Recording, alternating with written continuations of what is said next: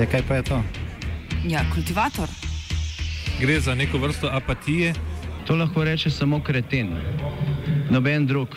Socialni invalid in ga je ne mogoče urejati. Drugi kandidat. Pa, pa pije, kadi, masturbira, vse kako ti lahko reče. Nihče tega ne ve.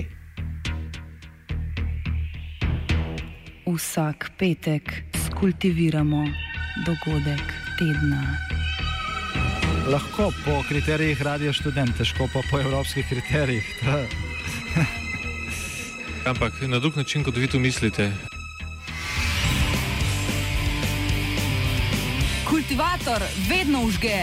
Da pač nekdo sploh omenja probleme, ki so, in da pravzaprav sploh nekdo sproži dogajanje uh, v družbi. To drži, drži. Pizdarija na Filipinih.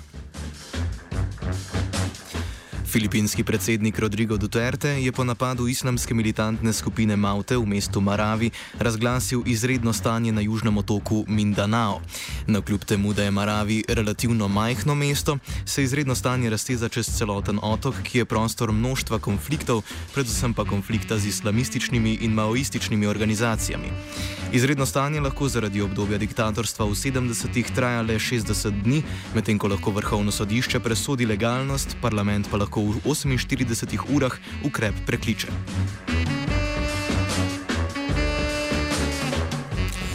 Na otoku so bile v preteklosti močno prisotne komunistične skupine, predvsem pa muslimanske. Zgodovinske konflikte oriše Kristofer Čanko, geograf z York University. What's very interesting about Mindanao is um, that you have not just one indigenous community, which a lot of the separatist rebellions in Mindanao, they call themselves Bangsamoro, and a lot of them are like, um, they're Muslims. So a lot, of, there is perhaps around 20% of Mindanao's population is Muslim, but then there are plenty of Christians, plenty of other indigenous communities that speak so many different languages, uh, different ethno-linguistic groups, over a dozen, maybe close to 20. So there's not one single indigenous community in Mindanao. But then there are so many different um, rebellions going on in the south of the Philippines. So you have the communist Maoists um, who are who have who launched their own um, people's war in the 1960s, and this was parallel to the Muslim separatist rebellion, which also emerged in the 1960s and 70s in revolt against the Marcos dictatorship. So a lot of these conflicts really stemmed from stemmed and emerged from that period in resistance to the Marcos dictatorship. So this was in the 60s and 70s. Um, but it was complicated by the fact that there were successive peace processes in the 1980s and 1990s after the fall of the Marcos dictatorship, and a lot of these peace processes fell apart. So, uh, for example, there was one um, Muslim separatist movement called the Moro National Liberation Front. Um, there was a split in the 1980s during during a peace process under uh, the Corazon Aquino administration, which took over from Marcos, and um, the failures of of the, the post Marcos administrations really you know, fueled more unrest in Mindanao. So you have all these different splinter groups. So after the Moro National Liberation Front, you had a splinter group called the Moro Islamic Liberation Front, which was more religious and more conservative in its outlook, less secular. And then from the MILF, the Moro Islamic Liberation Front, you had other splinter groups that emerged because of disappointment at you know the park, the failures of the post Marcos administrations to really put forward a decent uh, peace process. So there was actually a peace process again under the former administration, right before Duterte, who was the son actually of Cory Aquino, Ninoy Aquino, the Aquino administration that preceded the current uh, current government. So there was a peace process with the Moro Islamic Liberation Front that lasted until I think 2012 and 2013, and and again it fell apart um, because of you know just general um, discrimination and, and and really hate by the Christian majority against a lot of the minorities in Mindanao in the south of the Philippines. Na otoku Mindanao je v mestu Davao županoval tudi sedajni predsednik Rodrigo Duterte. Španski kolonizatori dotičnega otoka niso kolonizirali, so pa to kasneje skušale narediti predvsem filipinske in ameriške oblasti. like a little over two decades in a major city in Mindanao called Davao City, and Davao City was a um, a, a, major port city during the American colonial um, regime, which was from the start of the 20th century to the Commonwealth period in the middle of the 20th century. And it was actually um, during the American colonial period that there was a process of, it, it was not as as acute as it was during uh, the Marcos regime, where you had like this inflow of, uh, you know, a, a, lot of people in Mindanao call it like this Christian settlement that happened during, you know, both during the Mar- Marcos administration, Marcos dictatorship, and also during the American colonial period, where you had a process of uh, successive governments telling um, the the majority population, which is uh, Christian and Tagalog, from from the north and the middle parts of the country to migrate and basically to move and to settle um, and to create agricultural colonies in the south of the Philippines. Um, it, it started during the American period, but it, was, it wasn't really a successful project, and it really um, like it, it, it pushed it was pushed uh, heavily by the Marcos administration. So actually, the roots of the current Mindanao conflict, when we talk about the current separatist movements, you know, all of these different overlapping conflicts in the south of the Philippines, where again Duterte came from, a lot of this actually started during the Marcos administration, during during the dictatorship, um, which lasted as well over 20 years. Um, so there, there was like the current. So if you if you if you look at um, the recent declaration of martial law in Mindanao, like it it was declared like a few a few days ago, and the, the excuse of the Duterte administration was terrorism and and rebellion. This was the same excuse used by. Um, by Marcos in in the, in the 70s to to to crush the um, the Muslim separatist uh, independence a movement during the 70s.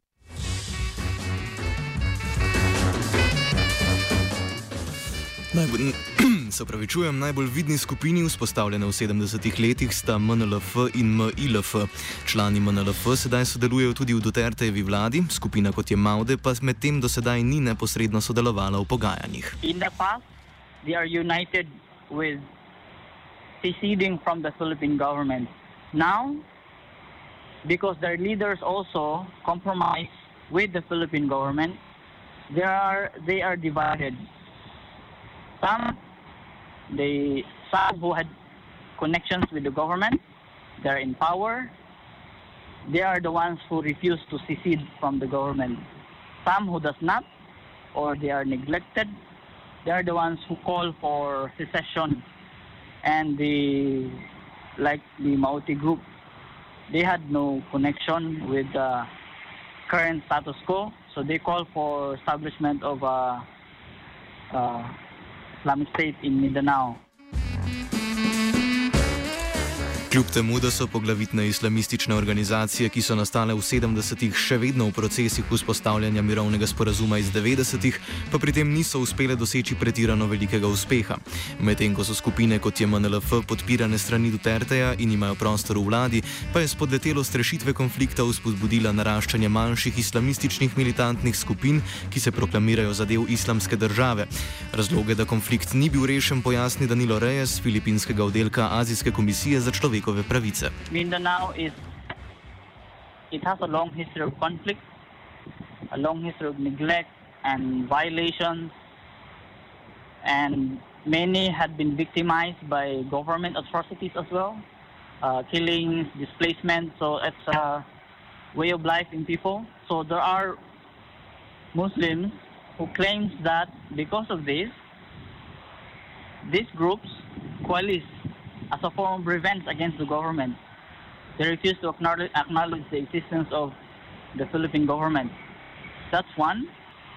And uh, another explanation is there is tremendous discontent among certain uh, rebel factions in the past. Some had split from the mainstream liberation struggle of the MILF, Moro Islamic Liberation Front, and other groups like Moro National Liberation Front. They split, they make their own faction, they develop their own ideology, and this is these people. Many of them have been in jail and in detention. They rescue some of them from jail facilities like in Marawi, in Kidapawan. That's what happened before this declaration of martial law. So some rebels or persons who had experienced rebellion had coalesced in this group. They found a new platform for their own struggle against the government. But it's very hard to identify the motive of each of the individuals. But it seems that they could identify with Maute when it comes to religious fundamentalism, uh, religious uh, extremism, and the appeal also of this group linking with ISIS. It's it, it's also attractive to them. Naraščanje militantnih in ideološko bolj rigoroznih islamističnih skupin je usporedno s procesi globalizacije in diskurza vojne proti terorizmu, skozi katerega se tudi naslavlja islamistične skupine na Filipinih. Simultaneous to the Manchester bombing in the UK, so everybody heard about the Manchester bombing in the UK, and you know ISIS is something that you know there is no ISIS in Mindanao. Even the military says that. Uh, the armed forces of the Philippines uh, is convinced that there is no ISIS in Mindanao, and even if some of these rebel groups, even if they pretend to be associated associated with ISIS, it's really just you know it's you know it's ISIS is something that draws attention to their cause.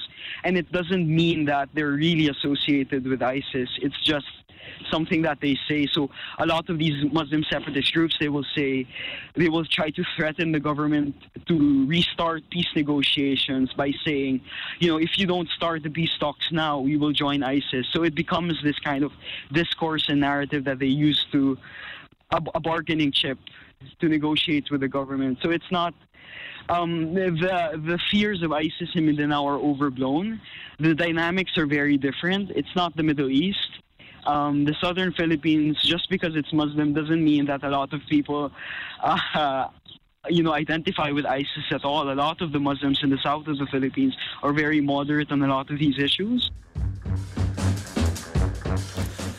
Tokratno izredno stanje za Filipine ni novost. Permanentno je bilo uveljavljeno že v času diktature Ferdinanda Markosa, ki se je začela v 70-ih letih prejšnjega stoletja.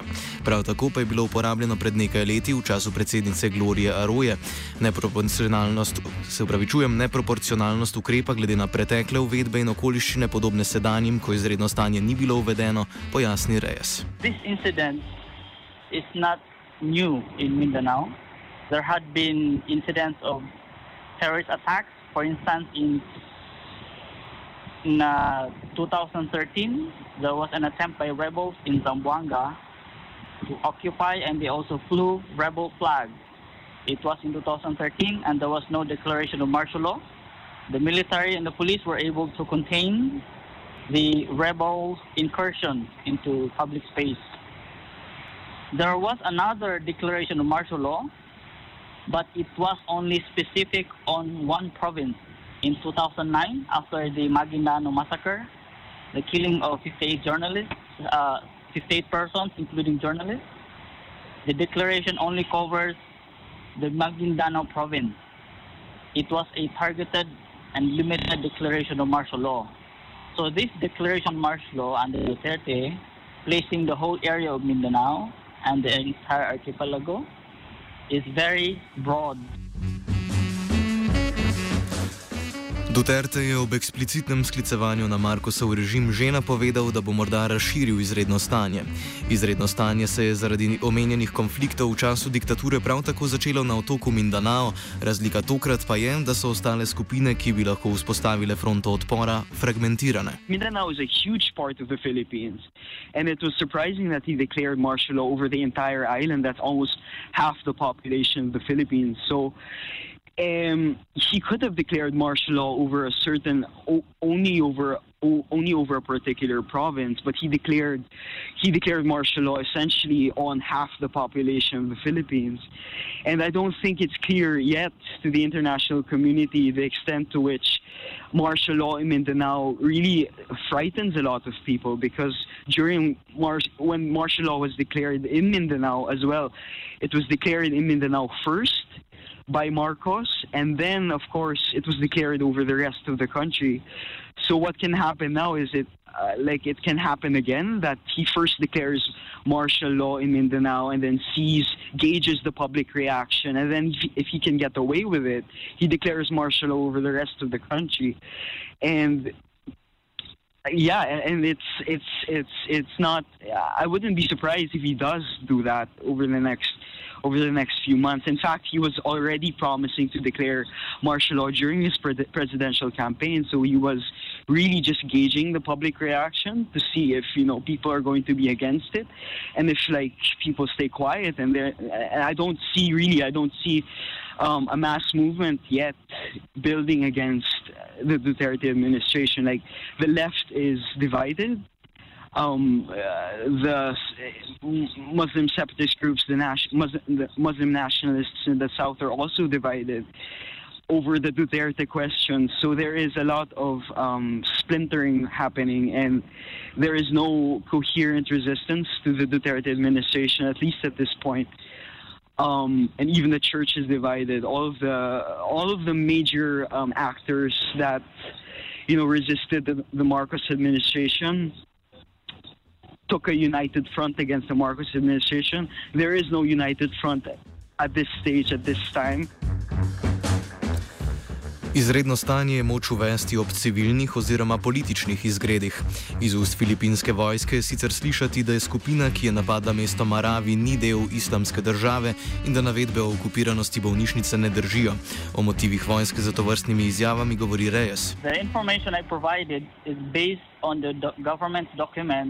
Declaring martial law. So this is their own words. Under the proclamation 2016, uh, that is what they claim. That there was an there was a takeover by the Maute group. With regards to the military denying that these groups are ISIS, it is understandable because if they acknowledge that this Maute group had links with ISIS, it means military failed all these years to eliminate the group. They refused to recognize that. And they refused to recognize because it means this group, the Maute, will be legitimized in the eyes of the public.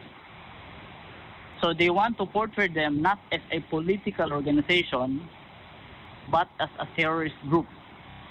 Because if they cannot qualify them a political organization under the Duterte's uh, proclamation, there's also no ground to declare martial law. Martial law only allows state of rebellion, lawlessness, and if the military claims that they are terrorists, then terrorist activities itself is not a ground to declare martial law. So they certainly would deny. Prisotnost vojske je na otoku Mindanao sicer občutna tudi v civilnem življenju, avtonomno ravnanje sicer fragmentirane vojske pa povečuje Duterteva vojna proti drogam. If you ask ordinary people living in Mindanao, they have a very negative uh, attitude towards the military and the police, especially the Muslims. So their presence, and Mindanao is a heavily militarized uh, island. Many of the military are, are in Mindanao, de- deployed in Mindanao.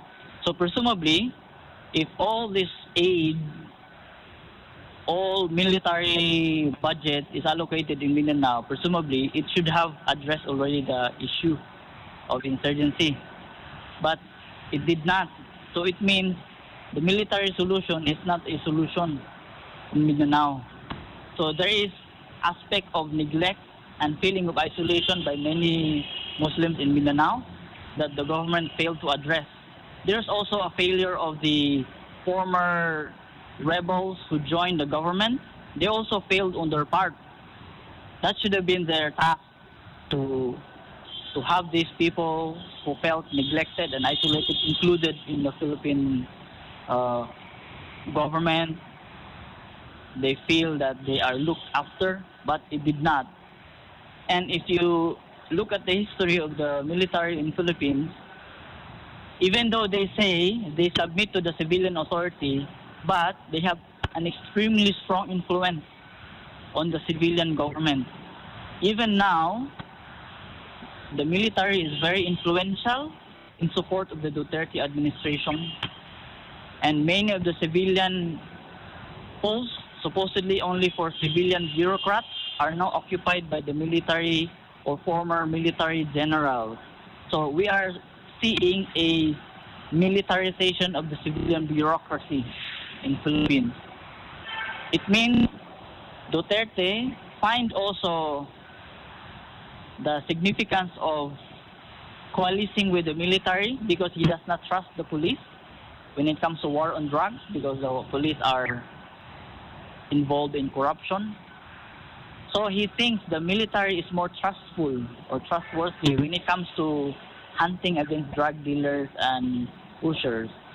It means the military is enhancing its image in Philippine politics now. So regardless of any allega- allegations of corrupt, corruption or abuse of authority against the military, they still have strong support because the Duterte administration and Duterte himself is from Mindanao and he is a very popular president. It follows that the legitimacy of every action that the military is doing is drawn from the popularity and the legitimacy of the Duterte administration. Poleg nadaljevanja pogajanj s posameznimi islamističnimi skupinami, ki so doprinesle k fragmentaciji naslavljanja konflikta, pa je Duterte za predsedniškega svetovalca za mirovni proces imenoval Hesa Dureaza, ki je bil tiskovni predstavnik v prejšnji Arojini vladi.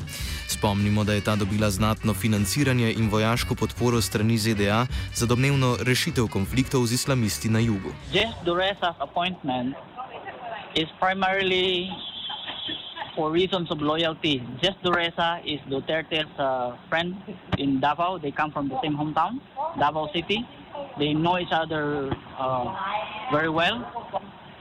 So it's a matter of trust. And second, experience and political backing. Dureza, as you correctly stated, was a former advisor also of the Arroyo government in Mindanao. Duterte needs Arroyo and his military in the past. So if you look at the structure of the cabinet and the military formations or appointments of military officials and the police in the Philippines now, they had strong links with those of President Arroyo's appointees in the past. So there's a logic in, in that. They, the Duterte makes sure that he has support not only from his uh, turf in Mindanao but also nationwide. Because Duterte has no in the past he needs to have backing in other parts of the country like in Luzon and Visayas. And Duterte, and President Arroyo offers that kind of backing. She has you know loyal military with her. So Duterte and Arroyo coalesce at the same time, he also appoints those who had experience in the past with Arroyo as a matter of trust. So whatever Dureza did in the past, failed or succeeded, it doesn't matter. For him, he needs to make sure that he can appoint person whom he can trust from Mindanao. And I'm told any person from Mindanao, they're very likely to be appointed in the Duterte administration because of that very parochial mentality. O razlogih, zakaj so v preteklosti spodletela mirovna pogajanja z omenjenimi skupinami na sicer z naravnimi viri bogatem otoku, kultivator zaključi Čanko. Uh, a lot of the reasons why the former Aquino administration supported the peace process was that a lot of actually uh, vested interests, like whether it's palm oil companies from Malaysia or mining companies, who wanted peace. Peace and scare quotes in, in Mindanao, so they can further invest and and uh, frankly dispossess, dispossess some of the indigenous communities. And as I mentioned before, for example, it's not just um, the Bangsamoro or the Muslims uh, that are a minority in Mindanao. There are so many different indigenous communities, ethno-linguistic groups in Mindanao who felt alienated actually from the former peace process. So there was, on one hand, there was the MILF saying that they were the only legitimate partner in the peace process, and all of these different indigenous and ethno-linguistic groups can be silenced. So it was just a negotiation basically between the Philippine government and the Moro Islamic Liberation Front. And of course, there was all of these debates over the question of territory. So there was a territory that the MILF wanted in, in Mindanao, and, and they wanted an autonomous region in, in Mindanao. At the same time, a lot of the, the other indigenous communities wanted their own and had legitimate claims to the same territory. And uh, the, the contentious point was that the MILF wanted to develop, like to turn some of the um, some of the parts of the territory into you know oil palm plantations, for example, or mining, you know, land for for for use by mining companies, and a lot of these these these properties and these territories also overlap with the ancestral claims and the ancestral domains of other non-Muslim, non-Christian, indigenous uh, communities in Mindanao. So they, they had their own claims to the land and to the territory. And so while there was a peace process, this was under the former administration, um, there were still conflicts um, while the peace process was going on, armed conflicts, communities caught in between. And uh, so it's the same, it's the same now. So there, there's a promise of a peace process. At the same time, there is still war, and there's still conflicts over territory. You still have um, um, conflicts between different indig- indigenous communities, between the the Muslims and non-Muslim indigenous communities, and you have conflicts between the Christian settlers, and and it's it, it's a mess to be frank. And like when, when I when I describe neoliberal state space there, I describe like Mindanao itself is um, at least a part of Mindanao, not the whole, not the whole island, but like especially the southwest of Mindanao, has been for for many decades a place of these overlapping conflicts where um, successive governments wanted peace so they can make do business essentially. Kultiviral je Tit.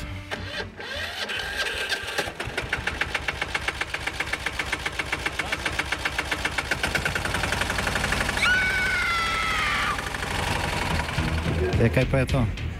Ja, kultivator. Gre za neko vrsto apatije. To lahko reče samo kreten, noben drug. Socialni invalid in ga je ne mogoče urejati. Drugi kandidat. Pa, pa pije, kadi, masturbira, vse kako ti človek počne. Nihče tega ne ve. Vsak petek skultiviramo dogodek tedna. Lahko po kriterijih radio študent, težko pa po evropskih kriterijih. Ampak na drug način, kot vi to mislite. Kultivator vedno užge. Da pač nekdo sploh omenja probleme, ki so, in da pravzaprav sploh nekdo sproži dogajanje uh, v družbi. To drži.